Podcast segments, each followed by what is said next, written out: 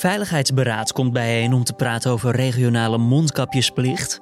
Rechtbank in Limburg doet uitspraak tegen bestuurder van dodelijk ongeval Pinkpop 2018. En de Hajj gaat van start. Normaal trekken miljoenen moslims richting Mekka voor deze heilige pelgrimstocht.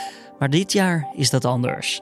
Dit wordt het nieuws. Er mogen nu dit jaar duizend pelgrims meedoen aan de bedevaart. En dat moeten allemaal mensen zijn die op dit moment in Saoedi-Arabië wonen. Maar dat zijn dus niet alleen Saoediërs. Dat zijn ook uh, uh, buitenlanders die daar nu wonen. En het is wel ook echt een land waar heel veel uh, gastarbeiders werken. In het verleden kwamen er vaak berichten over drukte bij de Hajj. Soms met doden tot gevolg. Daar zal dit jaar geen sprake van zijn. Wie mag er nu wel op bedevaartstocht? En wat doet het land om drukte in volgende jaren zonder corona beter te beheersen? Dat hoor je zo van Mario Buitelaar, hoogleraar hedendaagse islam bij de Rijksuniversiteit Groningen. Maar eerst kort het belangrijkste nieuws van nu. Mijn naam is Julian Dom en het is vandaag woensdag 29 juli. Treintje Boes, de moeder van de overleden 14-jarige Tamar, schoof gisteren aan bij het programma Op 1 om te praten over het immense verlies van het gezin. Dus ik red Tamar toch niet meer, maar ik heb nog vragen.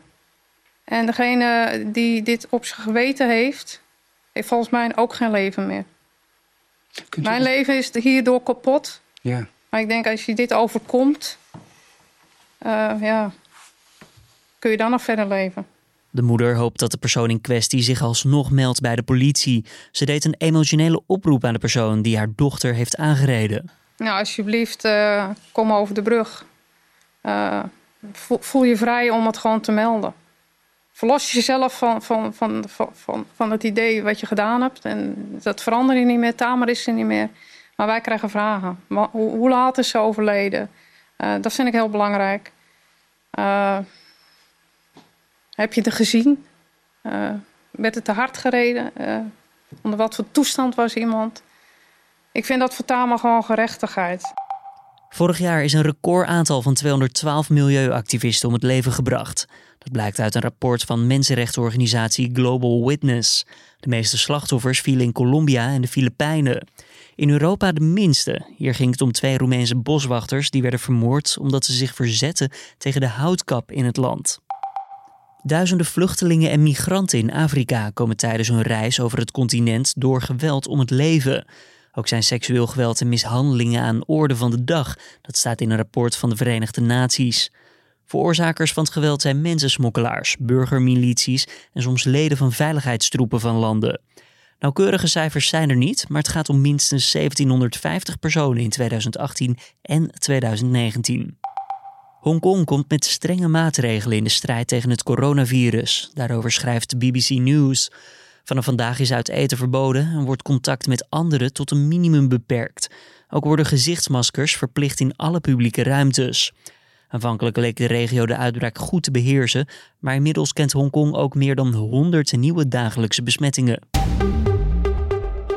En dan door naar ons gesprek van deze ochtend. Saudi-Arabië laat dit jaar slechts duizend moslims toe aan de Hajj, de belangrijke islamitische bedevaart richting Mekka. Daartoe heeft het land besloten vanwege de coronapandemie.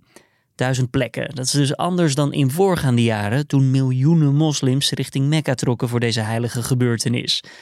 Hoe gaat dat dit jaar dan in zijn werking en wat doen de autoriteiten om de Hajj ook in komende jaren veilig te houden, voor als moslims wel weer massaal richting Mekka kunnen? Daarover spreek ik met Mario Buitelaar, hoogleraar hedendaagse islam bij de Rijksuniversiteit Groningen.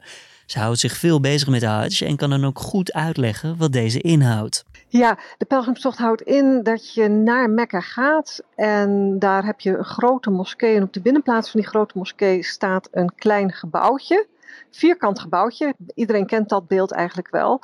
Dat is een, er zit een groot zwart kleed omheen en dat gebouwtje heet de Kaaba.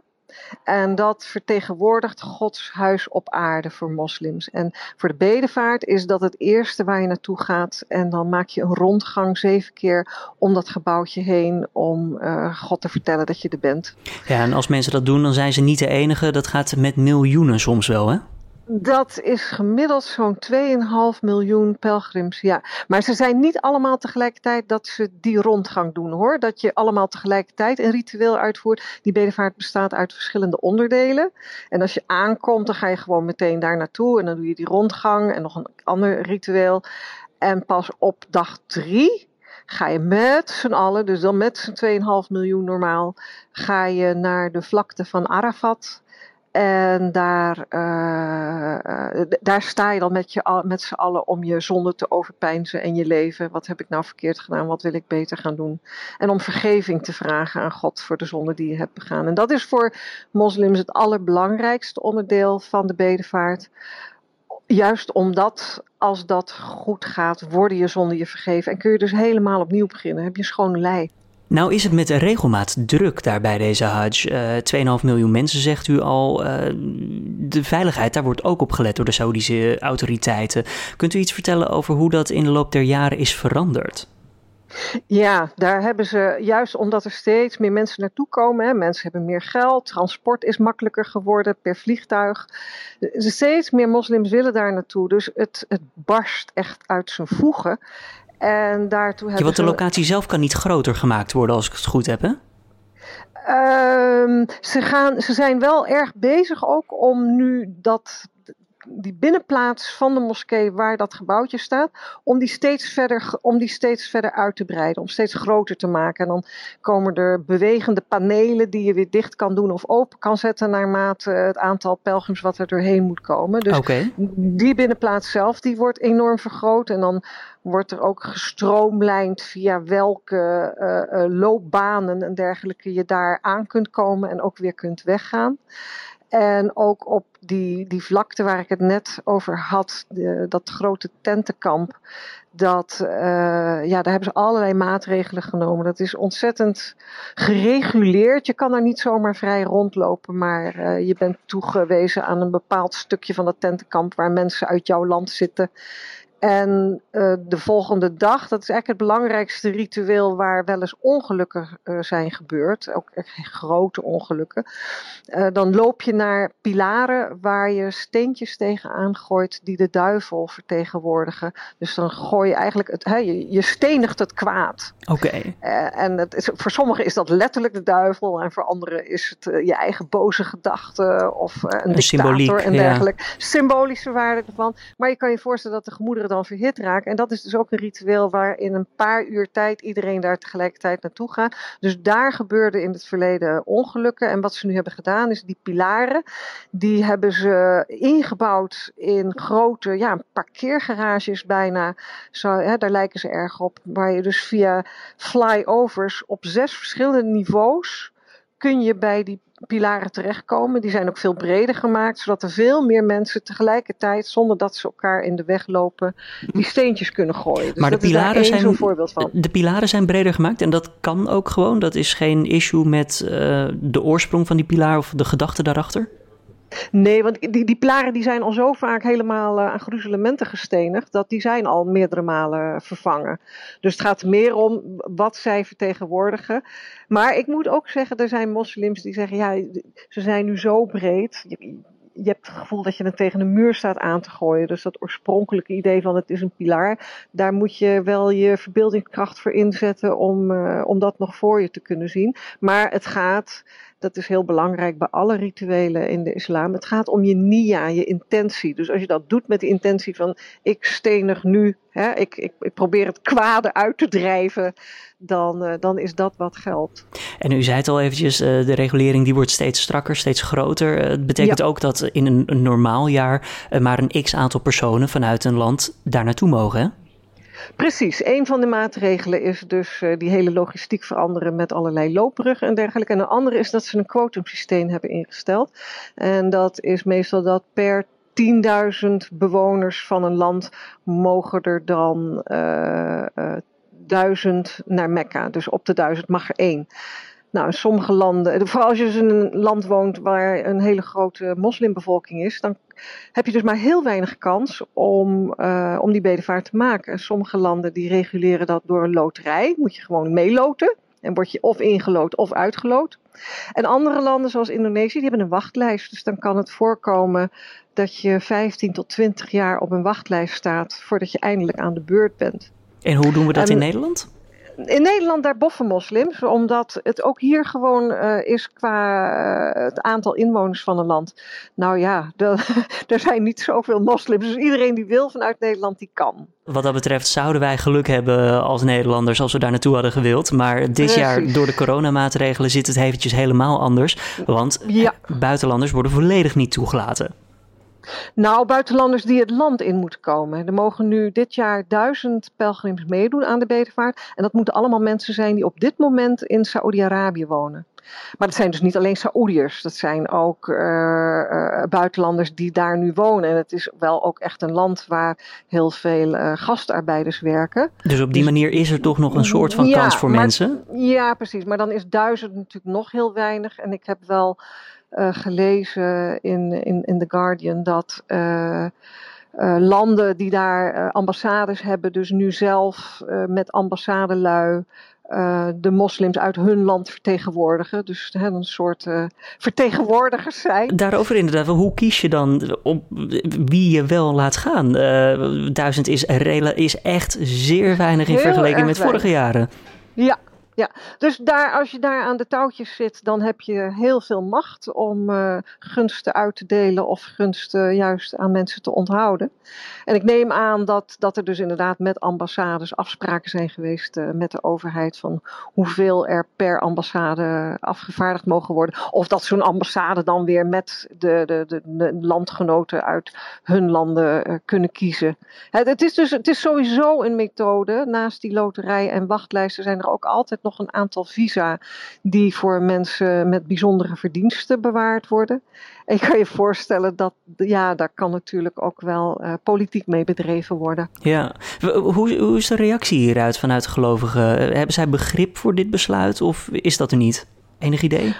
Ja, de, de, gevoelens zijn heel gemengd. Zeker, je kan je voorstellen als je 15 jaar hebt moeten wachten of 20 jaar hebt moeten wachten. Of vanuit Marokko, je hebt eindelijk ingelood. En zeker als je ouder bent, hè, dus de kans is uh, niet ondenkbeeldig dat je volgend jaar misschien niet meer leeft. En dat je dan verdorie dat deze kans je niet gegund wordt. Dat is natuurlijk heel zuur. Anderzijds uh, heeft men ook een sterk gevoel dat naar Mekka gaan is ook een, uh, een kwestie van geroepen worden door God. Jij beslist wel wanneer je wil en jij moet het geld opbrengen, maar uh, God heeft wel bedacht wie er naar Mekka komen. En ja, je wordt ook verondersteld om niet je leven in gevaar te brengen door op bedevaart te gaan. Dus als je ziek bent, moet je niet gaan. Maar ook, er staat ook ik weet eerlijk gezegd niet of dat in de Koran staat of wat geleerden daarvan gemaakt hebben. Maar dat als er een gevaarlijke ziekte is, dan heb je een verantwoordelijkheid naar de ruimere gemeenschap toe om die ziekte niet te verspreiden. Dus zo ziet men het ook wel als, als religieus uh, legitiem dat om mensen te beschermen dat het dit jaar niet door kan gaan. Maar mensen vinden het natuurlijk heel erg. Ja. En er zal ongetwijfeld ook over hè, wie er nou wel en wie er nou niet, daar, daar zal niet iedereen even tevreden over zijn. En de datum kan niet makkelijk verschoven worden, die is vastgelegd, toch? Precies, dat is een beetje het punt van die, uh, deze verplichte bedevaart. Dat die vindt altijd plaats tussen de achtste en de twaalfde dag van de laatste maand van de islamitische kalender. En daar mag niet aan getornd worden. Dat is religieus zo bepaald. En dat is een van de dingen die men heel moeilijk vindt om dat los te laten. Want dat zou natuurlijk een oplossing zijn. En wat je ook wel ziet is mensen die niet ingelood zijn, dat die wel op vrijwillige bedevaart gaan. Dus op een ander moment in het jaar. Maar dat heeft niet dezelfde religieuze waarde en dezelfde beloning in het hiernamaals als die bedevaart die, die nu vanaf vandaag uh, plaatsvindt. Mario Buitelaar, hoogleraar hedendaagse islam bij de Rijksuniversiteit Groningen. Dank voor het gesprek. En verder zal de Hajj in aangepaste vorm ook een aderlating zijn voor de lokale en nationale economie, zeker gezien de olieindustrie ook niet meer op volle toeren draait. Dan nog even de nieuwsagenda voor deze woensdag. Het Veiligheidsberaad komt dus bijeen. Deze keer om te praten over het gebruik van mondkapjes. Volgens verschillende media wil het kabinet geen landelijke plicht. Naar verwachting komt er wel duidelijkheid over de mogelijkheid om regionaal zo'n mondkapje te verplichten. Verder doet de rechtbank in Limburg vandaag uitspraak tegen de man die verantwoordelijk wordt gehouden voor een aanrijding met dodelijke afloop naar Pinkpop in 2018. De bestuurder reed een groep mensen aan bij het festival in Landgraaf en daarbij kwam een 35-jarige man om het leven. De verdachte verliet na de aanrijding de plaats van het ongeval. Tegen hem is 18 maanden cel gezeist. En in Amsterdam dient een inleidende zitting tegen de vermeende leden van een criminele organisatie. De groep zou onder leiding van Anouar T. verantwoordelijk zijn geweest voor verschillende autodiefstallen. En sommige van deze wagens zijn ook gebruikt door criminelen om advocaat Dirk Wiersum te observeren voordat hij werd geliquideerd. Dan weer. De zon die laat zich geregeld zien. In het noorden van het land komen nog wel wat wolken voor met her en der een kleine bui. Het wordt 18 graden in het noordwesten tot 23 in het zuidoosten. De wind neemt in de ochtend toe tot matige sterkte en aan zee kan het zelfs nog eventjes vrij krachtig waaien.